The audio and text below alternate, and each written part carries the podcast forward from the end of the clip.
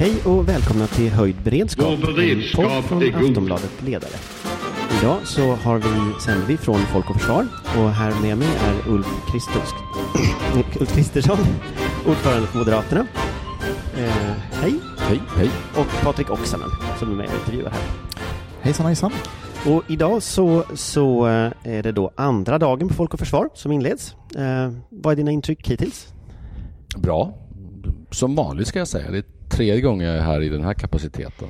Eh, otroligt intressant. Jag tycker att det är en, en årlig tid att, att liksom träffa alla människor som dagligen och nästan dygnet runt tänker på rätt stora säkerhetspolitiska frågor. Eh, och för mig är det otroligt både nyttigt och bra.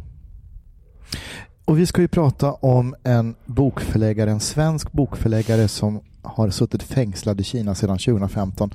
Men jag tänkte börja med att ställa frågan till dig.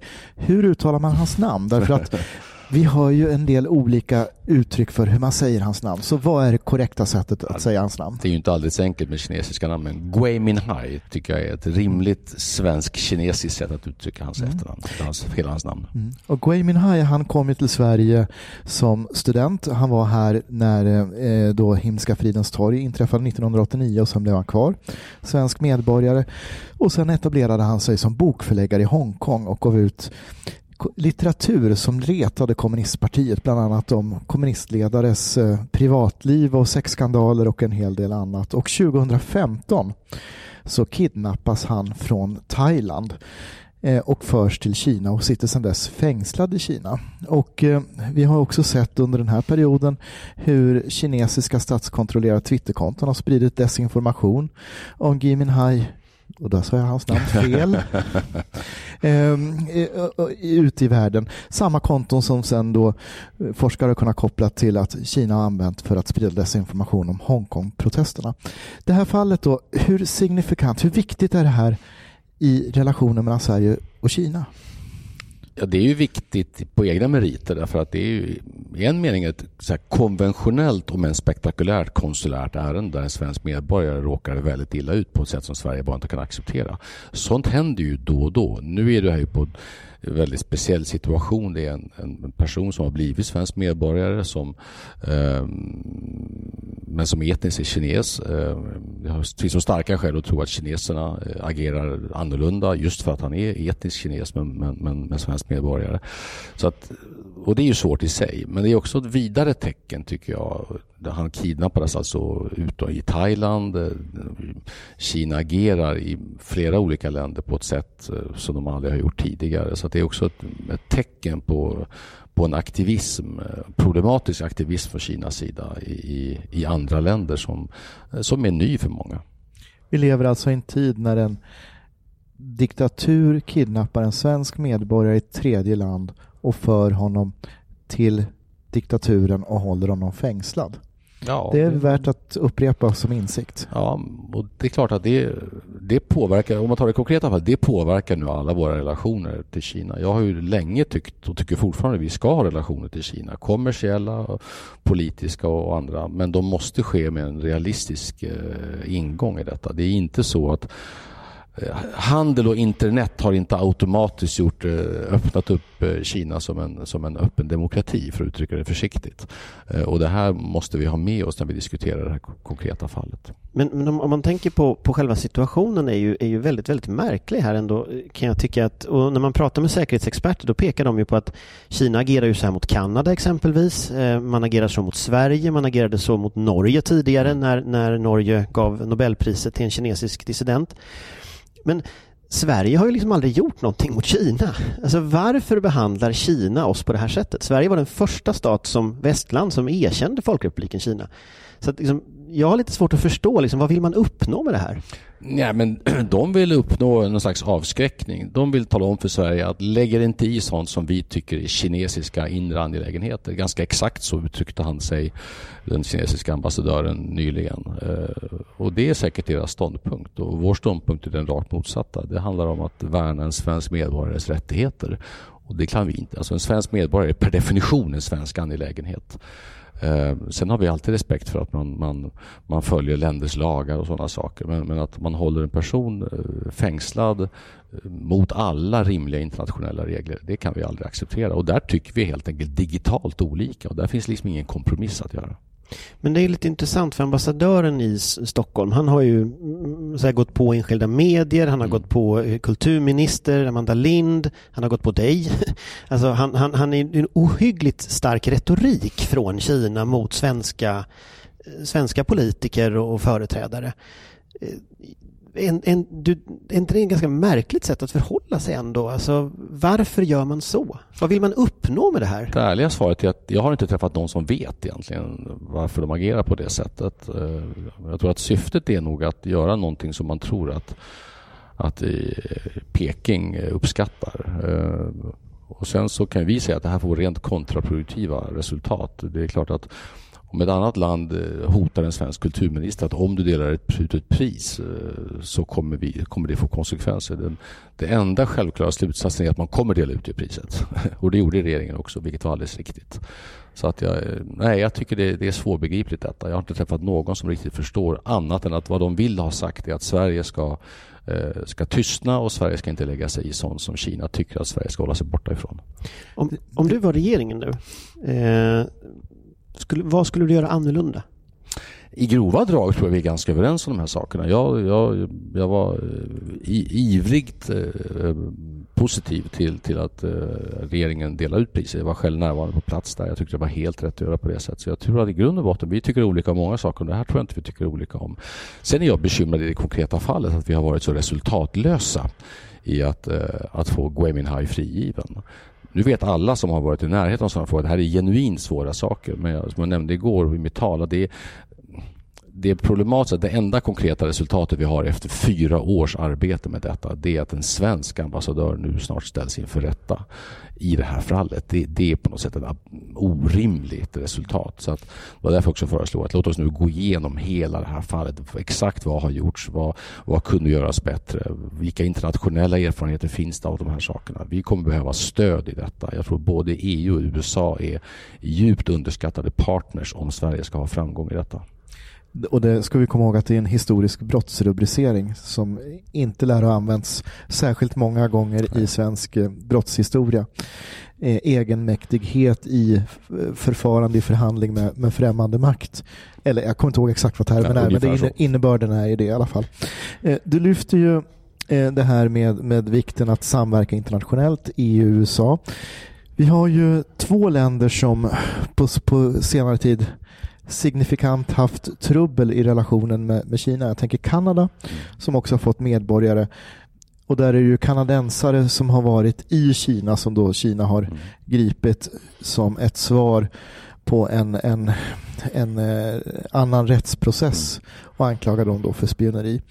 Eh, och sen har vi ju Tjeckien där relationerna brutit samman bland annat mellan Prag och, och vänort och, och blivit stort. Sådär. Hur, hur mycket styrka och lärdomar kan Sverige dra av att i sin relation till Kina prata mer med, med Ottawa och Prag?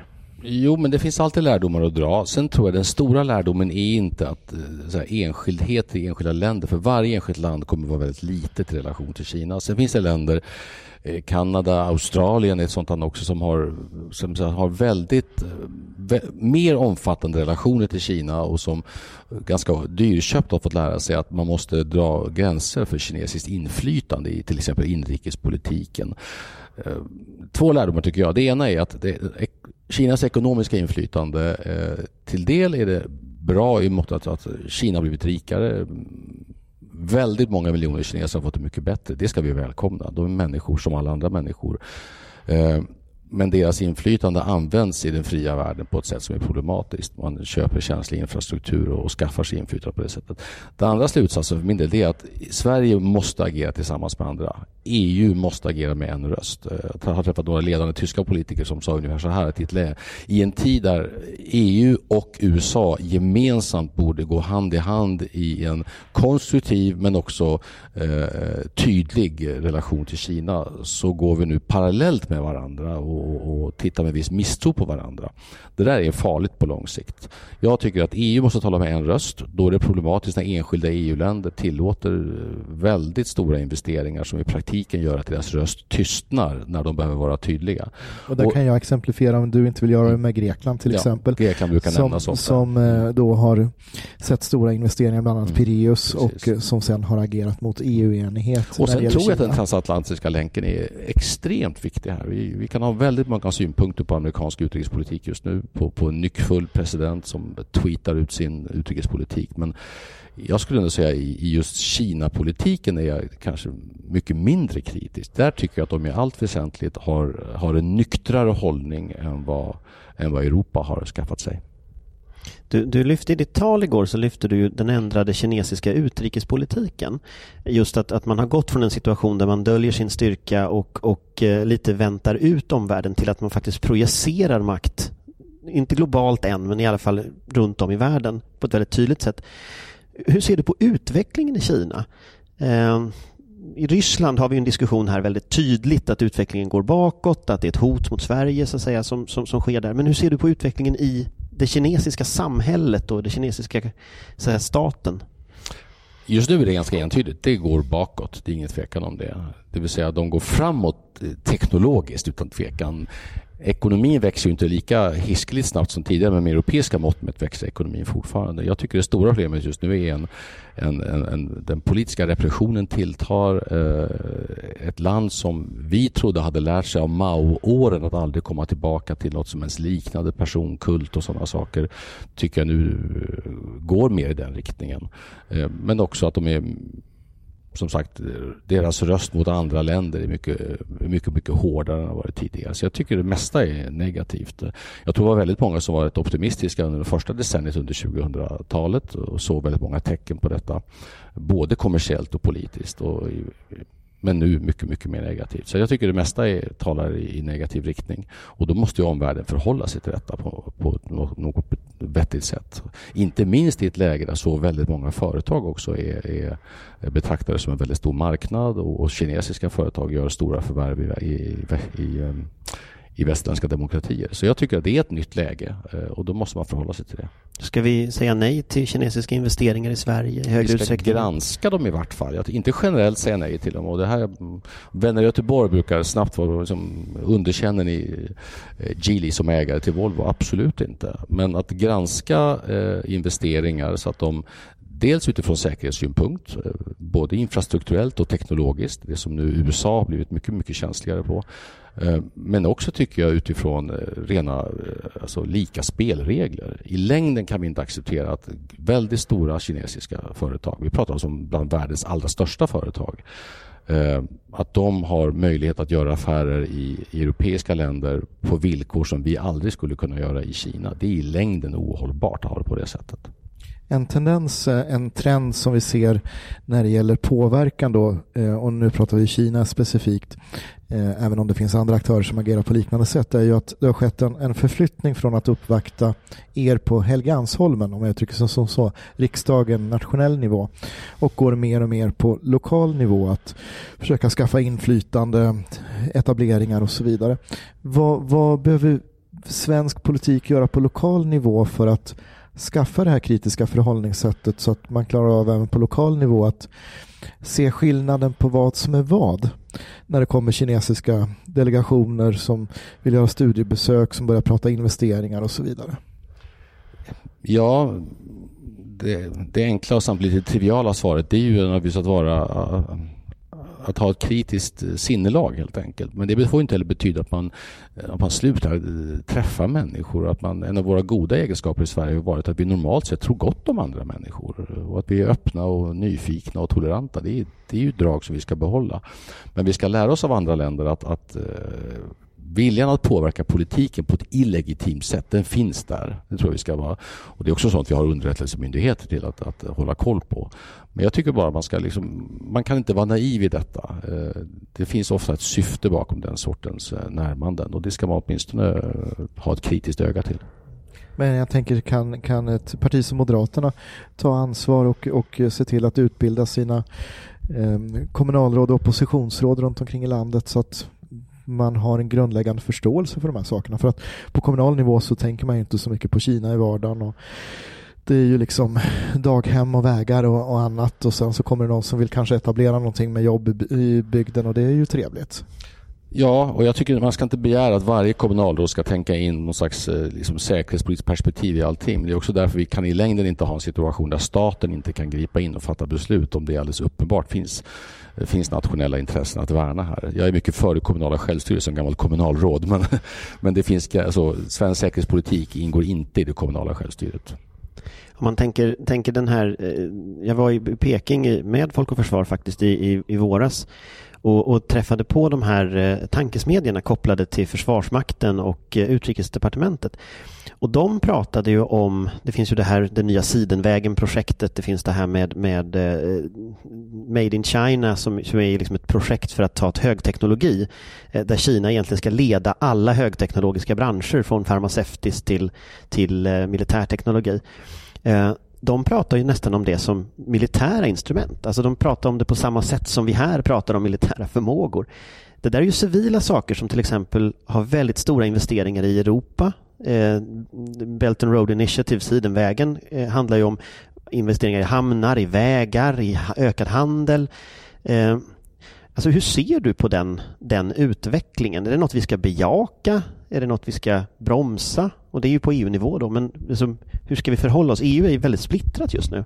Och jag tror att det här är en farlig utveckling. Alltså vi brukar ibland i Sverige från höger till vänster så skojar vi om staten och kapitalet när vi sjunger låten. Men här pratar vi om staten och kapitalet bokstavligt talat. Det går inte att skilja dem åt överhuvudtaget. Och det finns många stora företag man vet inte hur de egentligen är ägda, var pengarna kommer ifrån. Och, och, och, och det är ju en transparens, eller en icke-transparens vi aldrig skulle acceptera i våra länder. Så att jag, jag tror man ska se det här på det sättet. Det här är inte fria företag som tänker erövra världen på samma sätt som, eh, som normala företag i vanliga eh, demokratier gör. Utan det här handlar om statliga nationella intressen för, för kommunistpartiet. Och det måste man vara väldigt vaksam mot. När tittar man på, på tech-sidan då ska man nog se två saker. Det ena är att de är riktigt bra. Alltså det, det, är inget hokus pokus. Alltså de som kan konkurrera nu med de stora företagen på den amerikanska västkusten, det är de stora företagen på den kinesiska östkusten. Det är verkligen där det händer saker och ting. De är otroligt stolta över detta och attraherar väldigt mycket talang.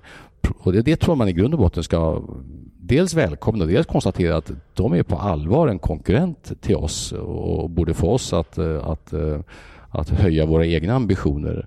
Men man ska också se det så här att om man inte har regelverk som, som skyddar integritet. Om man kombinerar kunskaper inom artificiell intelligens med ansiktsigenkänning med, med statlig kontroll över människors privatliv ner i minsta detalj, då får man en ohyggligt eh, obehaglig brygd.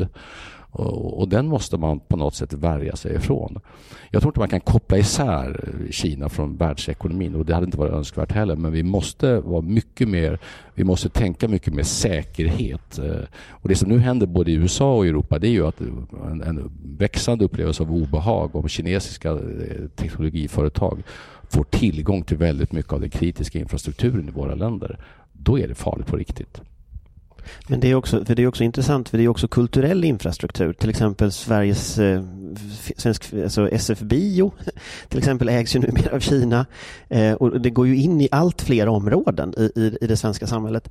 Eh, det har ju diskuterats det här med investeringsscreening och sånt, inte bara kopplat till högteknologi utan överhuvudtaget att se det som ett helhetsperspektiv när det gäller kinesiskt inflytande just. Eh, hur ser du på sånt? Men jag är för det med brasklappen, låt oss nu inte missbruka detta som någon allmän protektionism. Vår ryggmärgsinstinkt för ett antal år sedan när EU började prata om, om, om screen, alltså investeringsscreening, det var ju att sånt gör inte vi, utan vi är en öppen ekonomi som är emot den sortens, eh, eh att hitta på nya skäl till protektionism. Nu tror jag vi har nyktrat till ganska mycket och inser att det här handlar inte alls i första hand om att försöka eh, skydda inhemsk industri utan att skydda vitala intressen. Så det får inte missbrukas. Men nu ska ju även Sverige få på plats en sån, alltså inom ramen för EUs regelverk få, plats, få på plats en sån screeningmekanism och jag tycker att det är absolut nödvändigt. Och det handlar både om teknologiinvesteringar och det handlar om infrastruktur. Men det handlar naturligtvis också om, kanske lite vidare bemärkelse, om att se till att, att eh, den soft power som man ofta pratar om, som man kan försöka utöva mot, mot universitet eller mot andra, att, att man ändå tänker igenom vilka finansierar vad och med vilka syften. Och det vi har svårt att ta till oss det är ju den kinesiska säkerhetslagen till exempel som ställer krav på kinesiska medborgare och företag att samarbeta med säkerhetstjänsterna om de så kräver det. Vilket innebär att det finns en potentiell risk att utbytesstudenter kan hamna i väldigt svåra situationer, utpressningssituationer. Precis så. Och det, det tror jag, det är, det är för oss en ganska främmande tanke detta. Men jag tror att, och jag har sett det i andra länder också där kinesiska medborgare har, har, har blivit eller har upplevts bli utnyttjade. Inklusive risken för att man misstänkliggör stora communities helt i onödan. Jag tycker det är en förfärligt riskabel utveckling.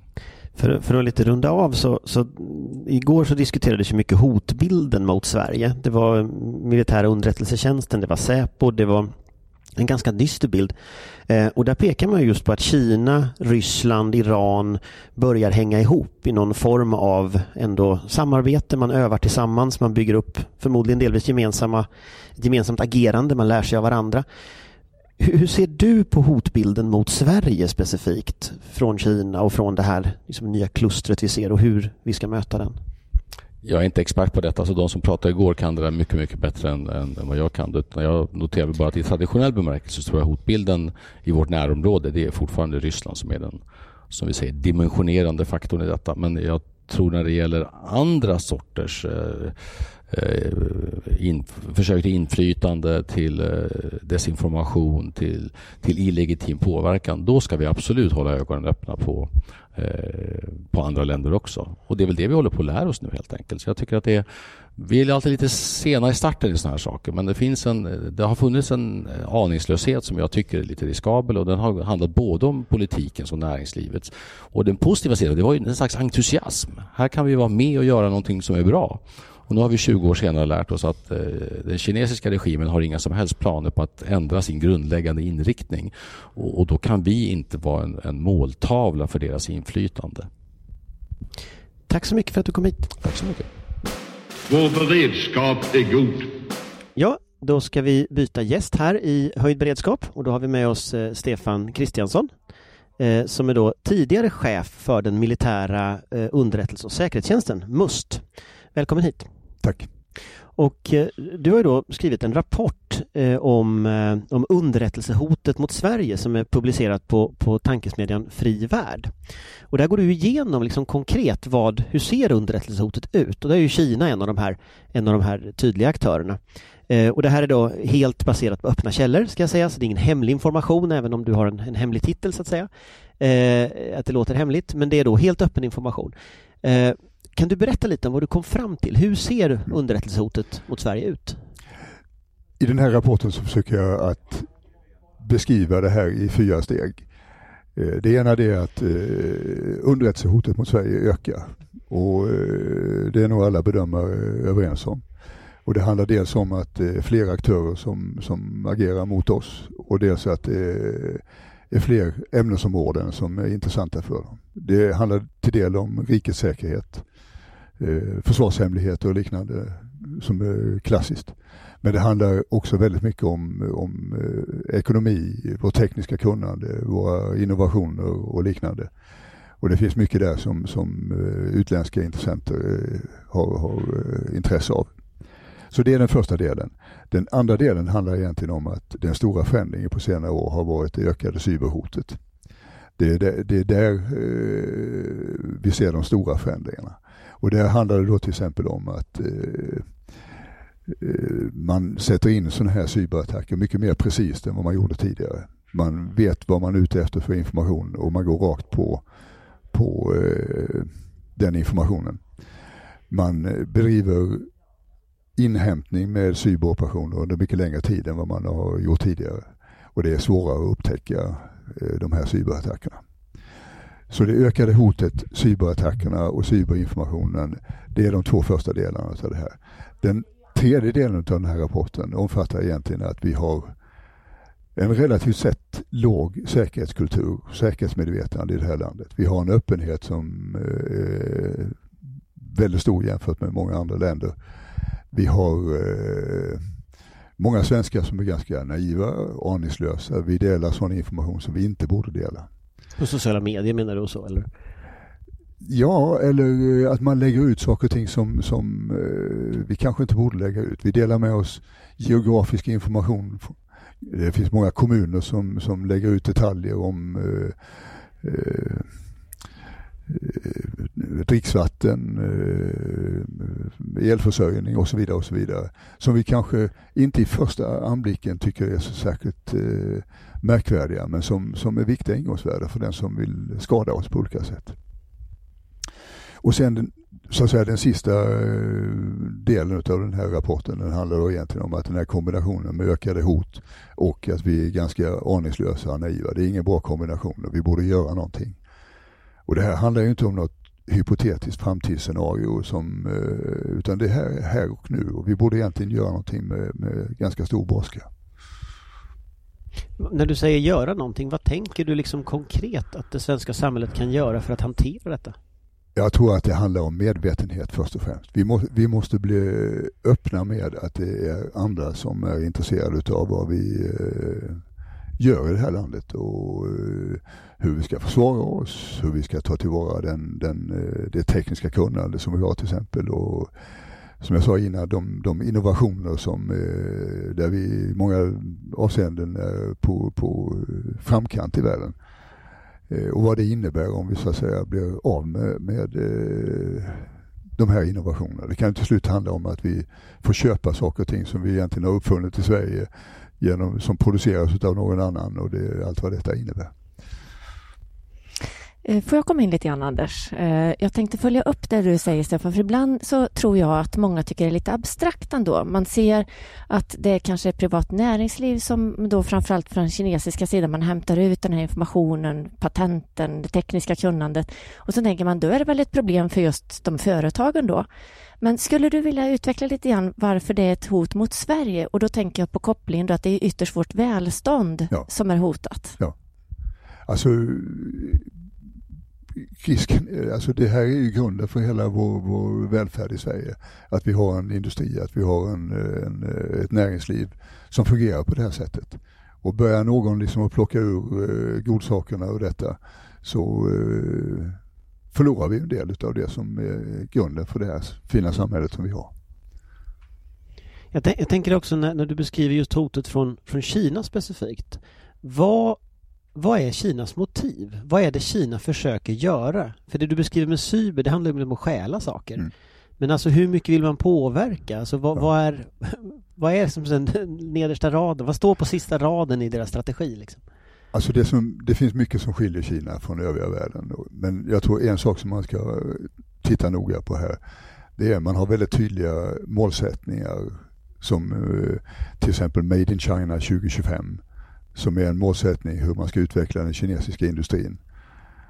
Och där kan man ju fundera på vad de har för, för eh, kunnande i dagsläget, vad de har för kompetens och vad de saknar för kompetenser.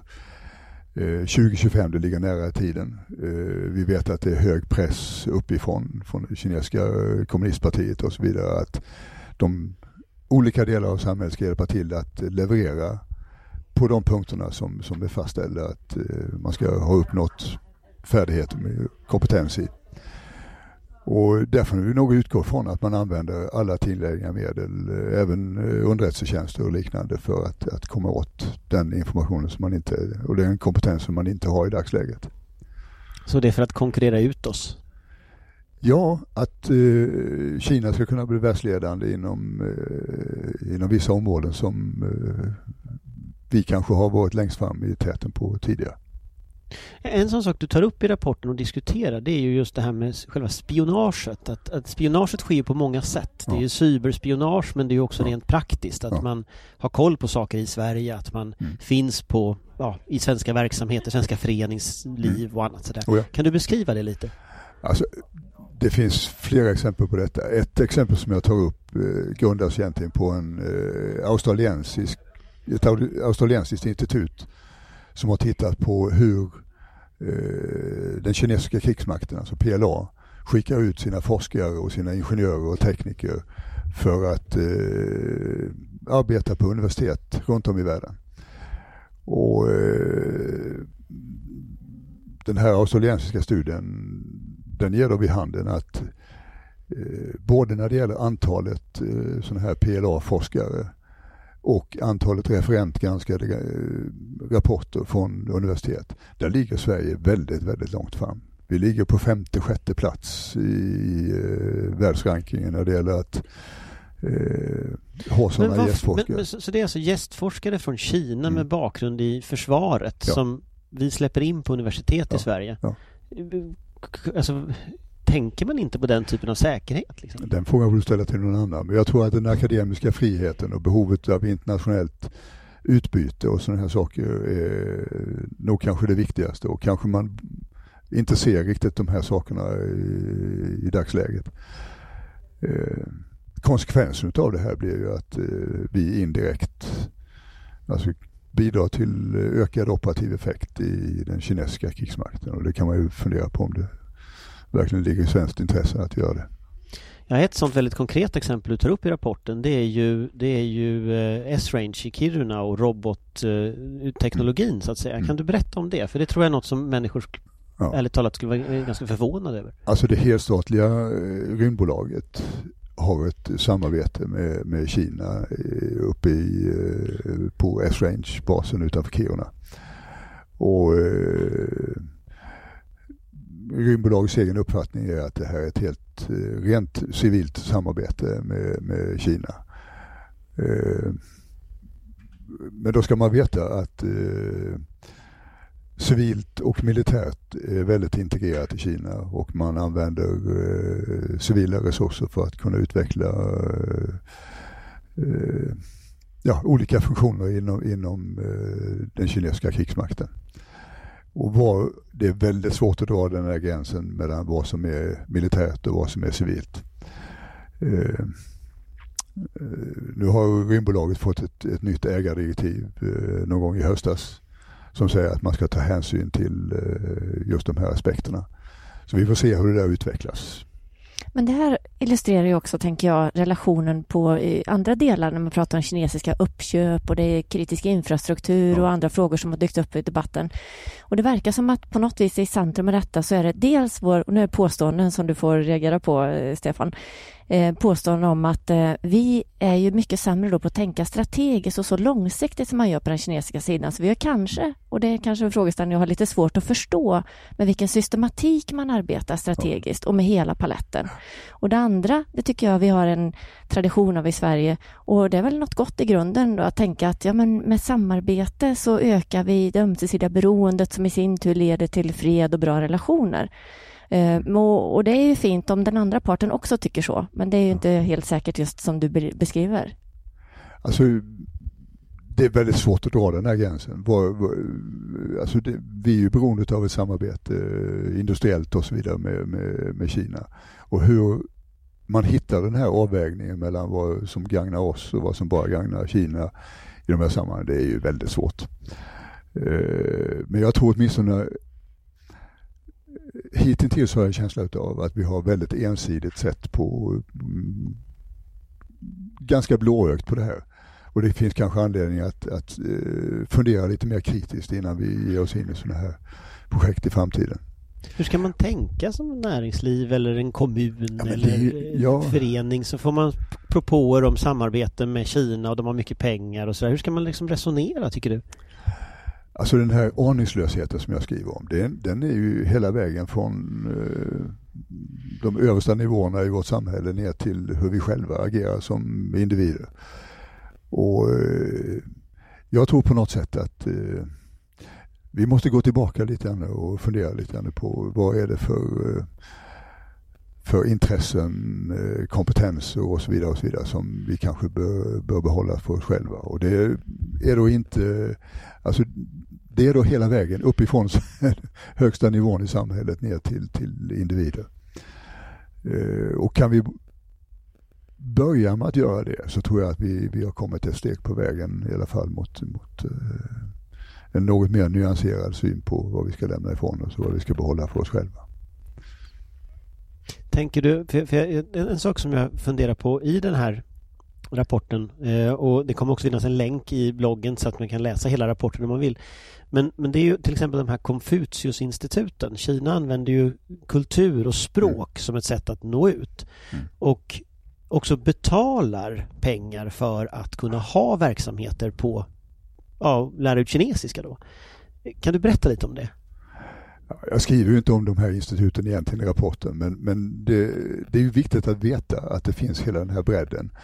Eh, jag tror vi har sett väldigt snävt säkerhetspolitiskt på de här eh, frågorna hittills. Men eh, den här paletten är betydligt bredare än så och det är nog nyttigt att vi, vi tar oss en funderare även på, på de aspekterna. För det, det var en sån sak som vi, vi tog upp i samtalet med Ulf Kristersson till ja. exempel att de har ju köpt upp eh, svensk filmindustri till exempel. Till exempel. Eh, Kina. Så att man går ju in i kultur, man går ju utanför det här liksom ja. rent säkerhetspolitiska så att säga. Mm. Men då, då blir det ju också liksom en fråga om soft power och vad, vad, och vad ska man använda den här eh, de här resurserna till. Hur strategiska är man när man köper upp den där typen och liksom ger sig på den här typen av verksamheter? De säger ju att de är strikt kommersiella i, från Kina. When you're ready to pop the question, the last thing you want to do is second guess the ring. At BlueNile.com you can design a one-of-a-kind ring with the ease and convenience of shopping online. Choose your diamond and setting. When you find the one, you'll get it delivered right to your door. Go to Bluenile.com and use promo code LISTEN to get $50 off your purchase of $500 or more. That's code LISTEN at Bluenile.com for $50 off your purchase. Bluenile.com code LISTEN. Jag tror man ska ha lite... Eh, nu har jag levt så länge i den här eh, miljön så jag är liksom till naturen skeptisk. Men jag tror att eh, även andra borde vara lite mer försiktiga och tänka efter lite mer för och, eh, eh, ja, vara lite mer försiktiga. Jag tänker också på eh, vad som skulle kunna få oss då att bli mer vaccinerade mot den här naiviteten och att höja säkerhetsmedvetandet om så bara lite på alla nivåer. För nu tycker jag att du är tydlig. Eh, vi hör från scenen på Folk och Försvars rikskonferens att, att eh, cheferna för tjänsterna är mycket tydliga. Vi hör eh, gång på gång i diskussioner från politiskt håll också att vi måste bli bättre. Men vad krävs för att vi ska ta det där steget ordentligt? Och det är väl en väldigt svår och öppen fråga till dig, Stefan. Men, men vad har du funderat på själv? Liksom, vad är det som krävs om man ändå tar i och är så tydlig och specifik också i sina exempel och man ändå inte riktigt får skruv i det? Alltså det är ju ett dilemma för myndigheter att eh, gå ut med det man vet på det här sättet. Vi har exempel inom, inom eh, eh informationssäkerhet och cyberoperationer och liknande. Det, det, finns ju attacker, eh, en har kallats då cloudhopper som alldeles uppenbarligen har sina rötter i, i Kina som håller på under många år och är inriktade mot teknisk industri och så vidare. Och så vidare.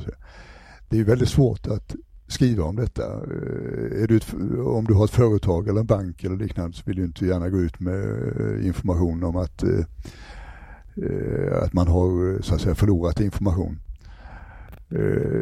likadant på myndighetssidan. Om myndigheter går ut med, med den här informationen så krävs det någon form av politisk reaktion på det här.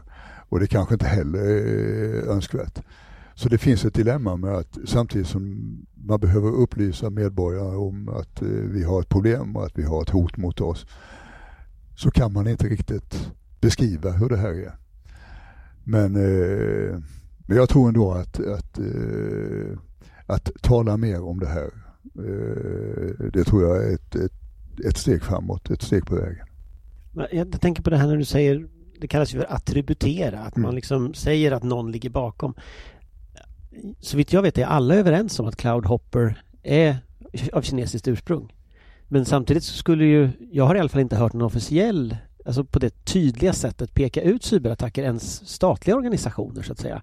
Jag förstår att företag och banker har är en sak men statliga organisationer kan ju ha en policy till exempel för att mm. peka ut.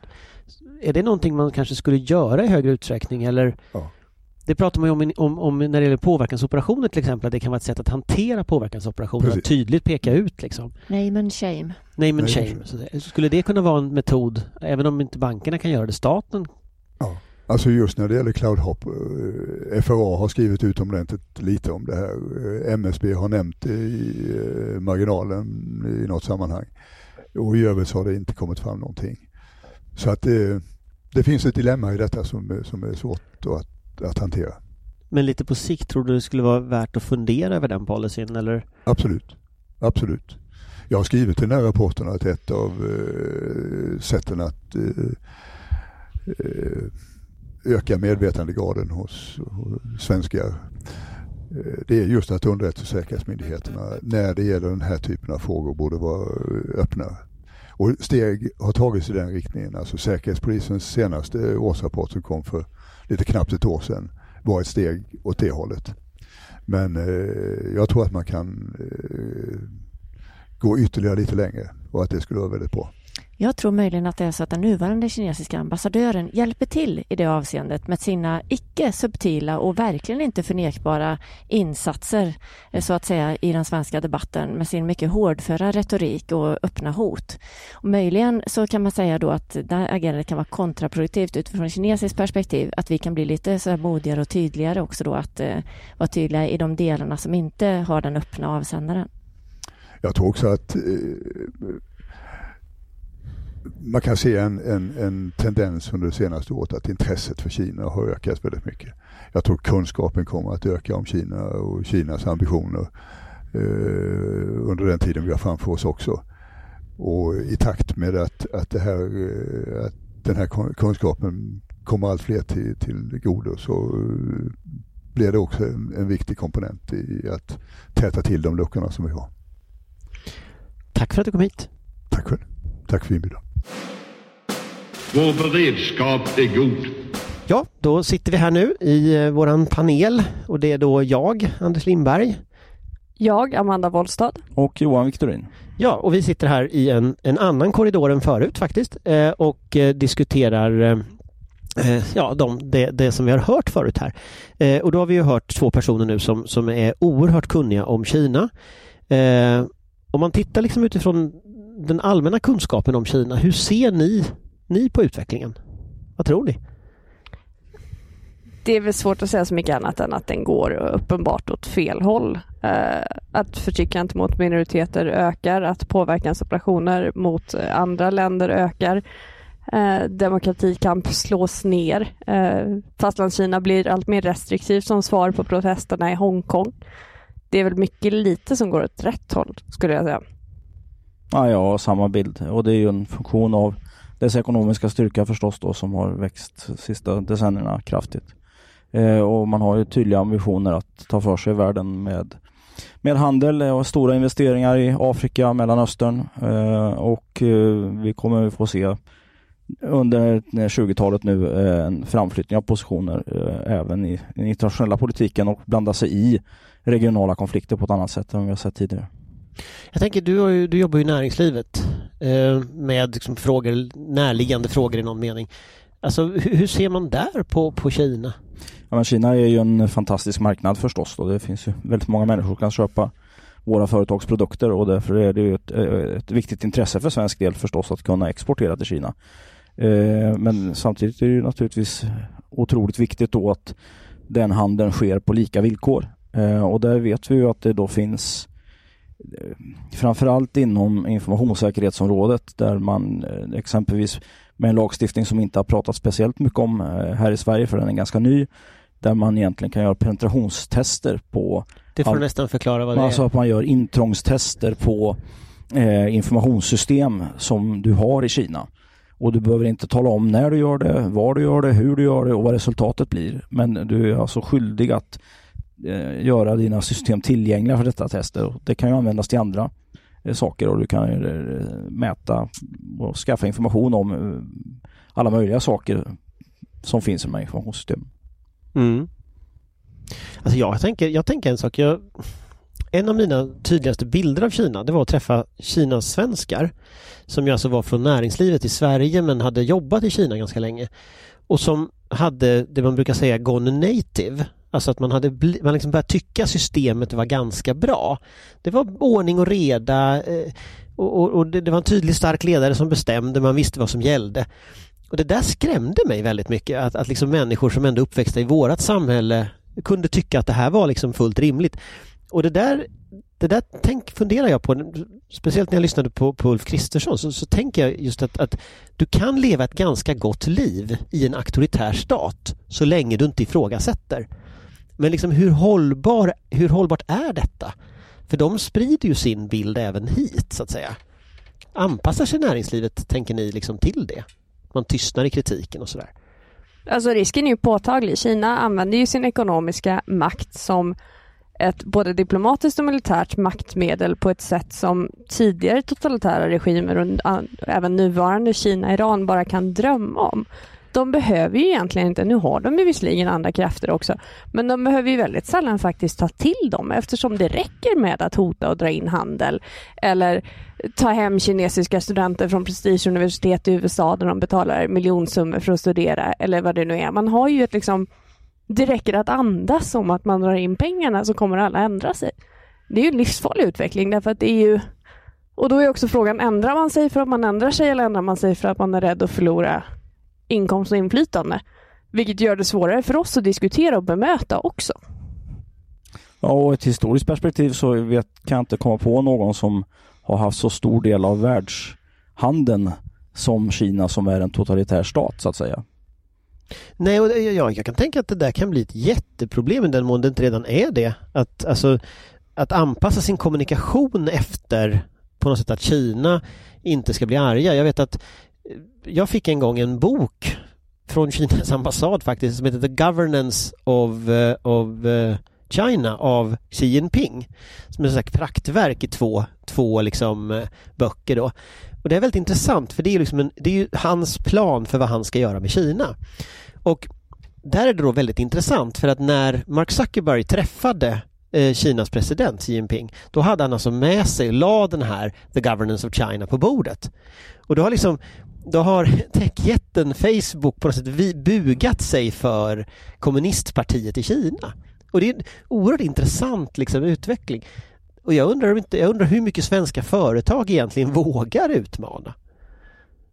Ja, det finns ju inget, som du säger, inget, inget annat liknande exempel. Det, det är ju en omöjlig tanke att man skulle göra så mot i princip någon annan totalitär ledare. Det finns ju enstaka extrema undantag naturligtvis, men, men det är ju en väldigt absurd situation och en som vi inte alls förmår hantera. Och sen så har vi också, apropå folk som går native och går vi har ju en ganska tydlig infiltration, inte minst av universiteten på många platser i världen. Och där vi också har sett, till exempel i Australien, när eh, eller australiensiska elever på, på universiteten har eh, anordnat manifestationer till stöd för eh, demonstranterna i Hongkong så har kinesiska studenter på samma universitet kommit dit och stört, ibland till och med våldsamt och, och hotat med bojkotter och sådana här saker. Eh, det är en infiltration och, och kanske också på längre sikt en, en mental infiltration som är väldigt svår att ta sig runt ur. Mm, och det är ett exempel på att eh, utrikespolitiken är egentligen inrikespolitik. Eh, sen är det här då att man flyttar fram sina militära positioner, inte bara i Sydkinesiska sjön och, och, så vidare, utan även på platser som i Afrika där man då har eh, hyrt in sig på en bas i Djibouti med 10 000 eh, soldater exempelvis och så det är nästan exakt lika stort som det amerikanska truppbidraget där. Eh, och det är ju då för att säkra råvaruleveranser från Afrika och Mellanöstern bland annat och, och eh, det kommer vi få se mer av. Det där är också en intressant del i det här det nya Sidenvägen-projektet, Belt and Road Initiative då. Eh, och, och, och där, där har man ju då, där projicerar man ju global makt på ett sätt som man inte har gjort förut. Också med marinen, med flottan. Och man har ju historiskt inte riktigt haft en kan man säga en, Blue Water Navy på det sättet, alltså en, en högsjöflotta eh, där man kan, kan vara runt hela världen. Det är USA som har den förmågan och andra västländer i regel. Eh, och Ryssland har ju ett hangarfartyg som eh, ryker väldigt mycket och sådär, det vet vi ju. Men, men Kina börjar ju nu på ett helt annat sätt. Djibouti är ett exempel men, men också att, att man, man, man på ett helt annat sätt ska liksom kliva in i internationell sjöfart och liksom ha kontroll på den typen av eh, ekonomiska flöden. Och det skrämmer mig. För det är ju liksom på något sätt blodomloppet i världsekonomin. Vi ser ju också, apropå Afrika, och det är ju inte det enda stället, där man ju infiltrerar infrastrukturen genom att erbjuda väldigt förmånliga men alldeles för stora lån till bygge av till exempel hamnar, stora infrastrukturprojekt. Och när länderna sen då inte klarar av att betala tillbaka det här så tar man hamnen eller vad det nu är som ersättning för lånen och blir därmed ägare för, för stor viktig nationell infrastruktur runt om i världen det blir också väldigt intressant apropå eh, vem som kontrollerar handelsflödena om stora hamnar, omlastningshamnar och transporthamnar plötsligt är i kinesisk ägo. De har ju försökt bygga hamnar även i Sverige för all del. Sen är det ju så också då att eh, det här Belt and Road Initiative då, där det då lite ologiskt så är det så att The Road det är till havet och Belt är liksom det som går i inlandet genom Centralasien. De de vägarna där då Kina nu som har haft byggt väldigt mycket får avsättning för sin konstruktionsverksamhet så man exporterar egentligen byggandet av både alltså broar och eh, järnvägsförbindelser eller också kraftverk av olika slag så man liksom flyttar ut och exporterar den typen av saker. Men det som är då väldigt intressant är att den här sjöleden som man har den är ju väldigt då sårbar om man skulle då göra en kraftmätning med USA. För den amerikanska flottan är ju fortfarande klart starkare än vad den kinesiska flottan är. Eh, men med klimatförändringarna så öppnas det en ny väg som går till Rotterdam, för Rotterdam är så att säga slutmålet egentligen för, för handelsflödet. Eh, som sänker då eh, tiden med en tredjedel. Det är bränslekostnader, det är arbetskraft eh, som inte kostar pengar. Så att man vinner ju väldigt mycket på att ta den norra vägen och det innebär då att man kan i ett samarbete med Ryssland som nu förstärker sina baser längs så att säga norra delen av sitt land så har man liksom ett skydd och ett fritt flöde ner till Europa och det innebär att vi kommer få se väldigt mycket kinesiska intressen här växa fram under 20-talet och vi har redan sett starten på det på Island, på Grönland, i Norge, i Finland och även i Sverige med Lysekil exempelvis. Ja, Lysekil är ju ett intressant exempel för där, där har man ju, då har man ju på något sätt gått runt hela hela jorden till Lysekil och det blir slutpunkten mm. eh, på något sätt. Eh, och det är ju väldigt oroväckande. Eh, nu blir det ju inte så, så som de hade tänkt sig men, men, men det är ju väldigt oroväckande att vi är ju i deras strategiska inflytelsesfär på ett sätt. Eh, och förr har vi ju tänkt att inflytelsesfärer de är liksom geografiska, det är nära stormakter. Men här har ju Kina en slags ekonomisk inflytelsesfär som sträcker sig hela vägen bort till västra Europa. Mm. Och det är man helt öppen med. Det här är liksom ett strategiskt intresse som, som Kina har med The Belt and Road Initiative. Uh, och om 10-20 år då kommer man kunna projicera militär makt i det här området också. Ja, man har ju faktiskt övat med alltså Ryssland i Östersjön. Mm. Eh, kinesiska eh, Folkets befrielsearmés eh, flotta. Jag tänkte på en annan fråga som vi diskuterade, som vi diskuterade mycket med, med, med Ulf Kristersson också. Det, det är ju Gui Minhai-fallet. Finns det något man kan göra med det här fallet egentligen? Vad tror ni? Talande tystnad. Ja, nej men alltså, får jag börja en annan ände och det är ju liksom den här otroligt negativa utvecklingen med att olika stater börjar liksom likvidera folk och kidnappa folk från andras territorier. Det tycker jag är alltså då blir ju Kina i den meningen en trendsetter. Nu var det ju andra som var före dem så att säga men... Ryssarna har ju haft ihjäl folk lite här Ja och vi har det här mordet eh, som eh, skedde på flygplatsen med halvbrodern var det va, till eh, Kim Jong-Un. Exempelvis då Malaysia, vill jag minnas att det var, stämmer det? Jag tror det var Kuala Lumpur, ja, ja jag tror det. Just det. Eh, och, och, den typen av saker, man liksom går in i andra stater och norpar folk och sådana här saker. Det är rätt ruggigt alltså. Det visar ju en, en, eh, ett uppenbart frakt förakt för andra staters integritet helt enkelt. Så är det ju och för en, en eh, liten stat i synnerhet så är det en väldigt oroväckande utveckling. Det, det som, en sak som fascinerar mig lite i detta det är att Kina anser ju uppenbarligen, de förstår ju inte att detta är en inblandning i Sveriges interna angelägenheter. Att liksom plocka svenska medborgare. Han blev ju alltså också gripen i, i, i Thailand, han blev inte ens gripen i Kina. Så, så, precis som du säger. Men att Kina förstår inte att i Sverige så uppfattar vi det som en, en, en grovt övergrepp på våran suveränitet, på våran liksom Ja, kidnappning. interna angelägenheter. Medan Kina då hävdar att när vi kritiserar detta då, då är det en inblandning i deras inre Mm. Det är ju en helt, det är ju en helt vansinnig, det är ju vår medborgare. Man undrar ju vad de skulle tycka om vi hade gått in och tagit någon på, av deras medborgare eller någon på deras territorium.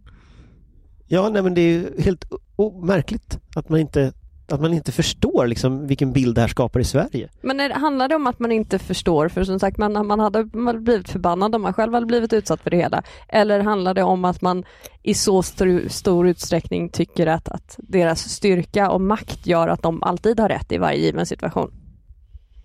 Ja. Ja, det är väl ofta så. Det är väl- det är väldigt mycket någon slags nationell stolthet. Men sen kan man ju ställa sig frågan om inte Kina förlorar väldigt mycket på det här. Alltså att det är, en, det är liksom en, en eh, viss kortsiktig framgång så att säga för att lösa det taktiska problemet. Men man får alltså en negativ strategisk konsekvens. För att om vi backar bandet två år så var det ju inte den här diskussionen om Kina överhuvudtaget i Sverige. Och sen har den seglat upp bland annat på grund av det här fallet. Där, där svenska befolkningens uppfattning om Kina har blivit väldigt neg- mer negativ. Jag såg någon undersökning, jag tror det var Pew som gjorde den, eh, där det var bara Japan som, eh, japanska folket som var mer negativa till Kina än Sverige var. Eh, vilket var helt otänkbart för två år sedan.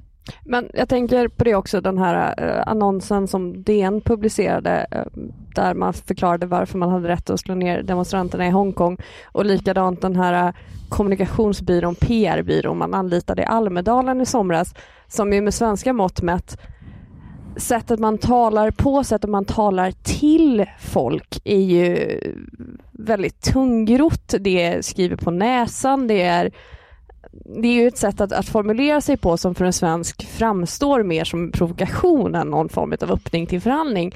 Att man uppenbarligen har väldigt dålig koll på svenskarna, på den svenska debatten, på att liksom, hur får man den, eh, den reaktion man faktiskt är ute efter.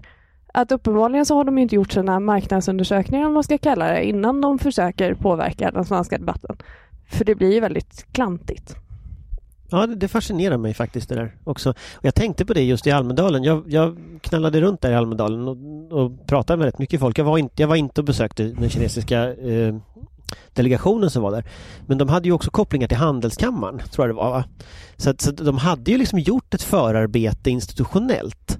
Men hela tonaliteten var ju bara konstig. Och, och där, det undrar jag, liksom, vad, beror det på att man inte bryr sig eller beror det på att man att man inte har kommit så långt. Eh, De har ju ett antal personer som pratar svenska på ambassaden så att de borde ju inte göra så, tänker jag. På tal om ambassaden, det, det är ju en fråga som har kommit upp lite av och till under dagen när vi har diskuterat detta. Det är ju Kinas ambassadör och Kinas ambassad i Stockholm, hur de agerar. Eh, vad, tänker ni om det? Jag tänker väl att vi tydligare måste markera vårt missnöje och jag lutar väl åt att det kanske börjar vara dags att skicka hem en ambassadör som tror sig ha rätt att, att läxa upp en svensk minister på det viset. Ja, jag är mer tveksam till det faktiskt. Jag tror det är lite för tidigt för detta. Men det, det är svår avvägning. Eh, jag är, jag är ju tveksam till det. Jag är ju tveksam till det. Jag tänker att det är ett instrument man ska ha kvar i byrålådan. Man ska inte ta till om, om de skäller på en minister då ska vi skälla på dem så att säga. Vi ska inte ta till hårdare instrument. Men det är klart att de börjar ju ställa till de, de har ju ställt till det i debatten för sig genom att skälla ut journalister och gå på namngivna journalister. Kurdo Baxi har ju varit jätteutsatt eh, för kritik till exempel eh, av, av, av kinesiska ambassaden.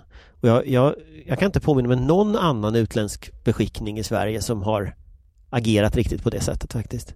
Sen är ju problemet inte bara att han har skällt på en svensk minister utan han, han så tydligt tar ställning. Alltså det, det, det handlar ju om Gui Minhai i, i slutändan där också. Eh, att man går emot. Eh, så att det, det finns ju ytterligare anledningar att markera ett mycket tydligt missnöje än bara att han skäller på minister eller skäller på media för all del. Eh, så frågan är när man får låta de enskilda incidenterna bilda en helhet som man bedömer snarare än, de enskilda incidenterna i sig. Det är också intressant med provokationen som kampmetod. Så att säga, för att det blir ju väldigt eh, svår balansgång för oss. Därför att om vi då skulle skicka hem ambassadören, ja då har vi gjort ett övertramp och då ställer man sig själv i en offerroll. Gör vi inte det, ja då visar vi svaghet och då kan man liksom ta det till intäkt för att flytta fram positionerna. Och det där är ju väldigt svårt att möta alltså. Ja, det är det här nollsummespelet på något sätt som de, som de utgår från. Det, det, en, en sak som fascinerar mig eh, i detta väldigt mycket det är ju att Sverige har ju velat ha bra relationer hela tiden. Sverige har ju inte kidnappat någon. Sverige har ju liksom bara investerat och velat handla och vill ju ha den här win-win situationen med Kina som Kina då pratar om. Och sen gör Kina en sån här sak mot oss. Och jag tror det är väldigt många i alla fall liksom, som inte förstår. Men varför, var, varför gör de så här? Ja, men det är rätt. Var inte vi det första landet som... Vi var ju det första landet som, Som erkände, erkände. Folkrepubliken Kina, västlandet, som erkände Folkrepubliken Kina och det är väl, är inte det 70 år? Ja, det var i slutet på 40-talet någonstans. va? Ja, det var slutet 40, slutet 70 år förra året tror jag va? Mm. Och det är klart att det är inte, just nu så är det nog inte så 49. många som känner för att fira det tror jag. 49. Alltså, Mm. så man, man har ju en lång linje av gott samarbete och sen så gör man sådana här saker. Jag tror väldigt många har svårt att förstå Det det. är väl det där erkännandet vi får plikta för nu kanske. Då kan man ju säga att vi har en väldigt god förmåga att identifiera kommande supermakter för vi var ju tidigast med USA också. Ja, ja nej men eh, jag kanske, kanske ska bryta där när det gäller, när det gäller eh, Kina. Eh, så eh, ja, det var andra dagen som vi sitter här just nu på Folk och Försvar. Så vi återkommer imorgon igen med en ny podd. Så säger vi hej hej. Hej. Hej då. Hej då.